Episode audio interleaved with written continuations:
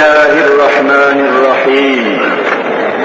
سبحانك لا علم لنا إلا ما علمتنا إنك أنت العليم الحكيم. صدق الله العظيم وبلغنا رسوله النبي الكريم.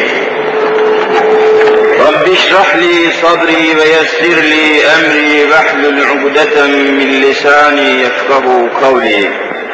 آمين. حرمة حبيبك الأمين.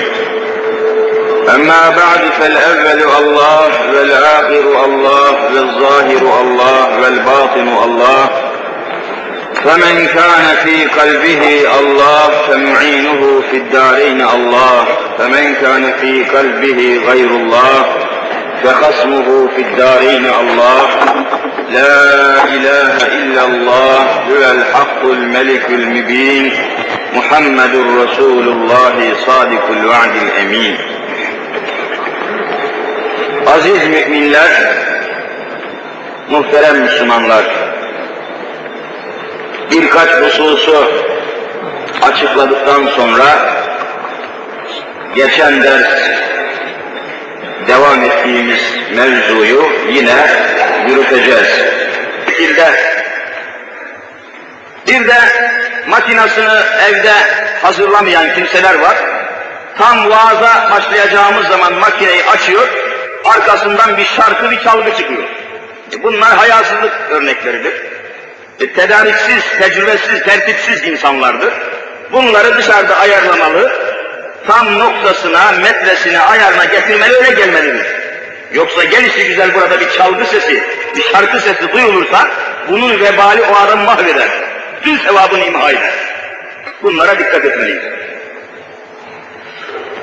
Müslüman hanım kardeşlerimizin vaaz dinledikleri yer düzenlendi, tertiplendi ama şadırvanın bulunduğu avluda yine karışıklıklar meydana geliyor. Mümkün olduğu kadar bu meseleyi yine ciddiye, tertipli ve düzenli bir şekilde ele almak zorundayız. En ufak bir günaha, vebale, ihtilata, karışıklığa meydan vermemeliyiz.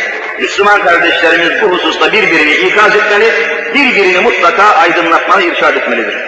Cenab-ı Hak bütün bu gayretleriniz için, İslami faaliyetler üzerinde hassasiyet gösterdiğiniz için cümlemizi ve cümlenizi iki cihanın saadetine nail buyursun. Geçen ders üzerinde durduğumuz mevzuyu hatırlıyorsunuz. Kadın ve erkek meselesinde dini İslam'ın ortaya getirdiği hükümler, ayrılıklar, farklar, tefsirler vesaireler üzerinde duruyorduk. Cenab-ı Hak kadını kadın olarak yaratmıştır, erkeği de erkek olarak yaratmıştır. Ve bunu da bir kanun ilahi olarak, sünnetullah olarak, adetullah olarak böylece takdir buyurduğunu söylemiştir. Velen tecide li sünnetillahi tebdila ayet-i kerimesinde ifade edilen hükümlerden ve kanunlardan birisi de kadının kadın olarak yaratılması, erkeğin de erkek olarak yaratılmasıdır demiştir. İşte bütün İslami ahkam bu farklılıklar üzerine teessüs ediyor. Kadınların tesettürü, örtünmesi, erkeklerle olan alakaları, tutumları, davranışları, hareketleri, yürüyüşleri, giyinmeleri, kuşanmaları, her şeyleri bu esas üzerine, bu kanun ilahi üzerine müessestir demiş. Yaratılış farklarından geliyor. Bunun böyle olması lazım çünkü dünyanın düzeni, devamı üzerinde insanların devamına bağlıdır. İnsan olmazsa dünya olur mu? İnsanın meydana gelmesi için kadınla erkeğin evlenmesi, nikahlanması lazım. İzdivaç dediğimiz müessese meydana gelmesi lazım. Hakiki bir neslin devamı içinde sıhhatli bir nikah müessesesinin bulunması lazım. Kısaca şöyle diyelim, demek ki dünyada yaşayabilmek için insan bulunması lazım. İnsanın da temadi ve devam etmesi için insanın sülalesi, soyu, zürriyeti, çocukları devam etmesi lazım. Zürriyetin devam etmesi için kadınla erkeğin evlenmesi lazım. Evlenebilmeleri için de İslam'ın ortaya koyduğu ahkama sımsıkı sarı, sarılmaları lazımdır. Böyle birbirine bağlı meseleler bunlar. İnsan olmazsa dünyanın kıymeti olmaz. İnsanın soyu, sülalesi, zürriyeti, nesli olmazsa yine insanın kıymeti kalmaz. Zürriyetlerin meydana gelmesi için nikahın zarureti üzerinde bütün akıllar ittifak etmiştir. Nikahın da sağlam temeller üzerine oturması için İslam'ın ortaya koyduğu kanunlara saygı duymak lazım. Nikahın. Evet. İslam'da nikahın gayesi ve maksadı nesildir dedik. Tenasül, yani neslin devam etmesi. Zürriyetin devam etmesi.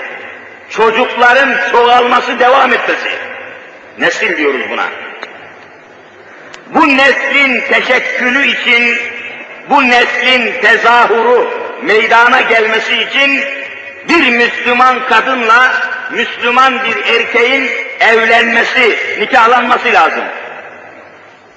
Ancak böyle nesil devam eder. Başka bir kanun yok, başka bir çare yok, başka bir imkan yok. Bütün peygamberler böyle, bütün evliyaullah böyle, bütün salihler, alimler, aşıklar böyle zuhur etmişlerdir. Hz. Muhammed Mustafa sallallahu teala aleyhi ve sellem Efendimizin dünyaya annesi vasıtasıyla gelişini Süleyman Çelebi merhum ne güzel izah ediyor.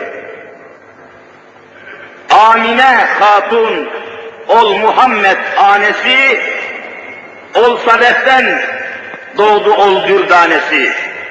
O kadar güzel teşbih etmiş ki mübarek, o kadar harikulade bir benzetme ki, Hazreti Amine, Emine, radıyallahu teala anha, Resul-i Zişanımızın annesi, onu bir sedefe benzetiyor, sedef. Resul-i Zişan'ı da o sedefin içinden çıkan inciye benzetiyor. Ol sadetten doğdu ol dür tanesi. Dür, eddürrü Arapça inci demek. Denizin dibinden o sedef dediğimiz harikulade canlı mahlukun ortasından çıkan inci yok mu? Japon denizlerinin dibinde bulunan çok kıymetli, çok kıymetli bulunan o incilerin sedeften çıkmasına benzetiyor. Hazreti Amine'yi bir sedefe,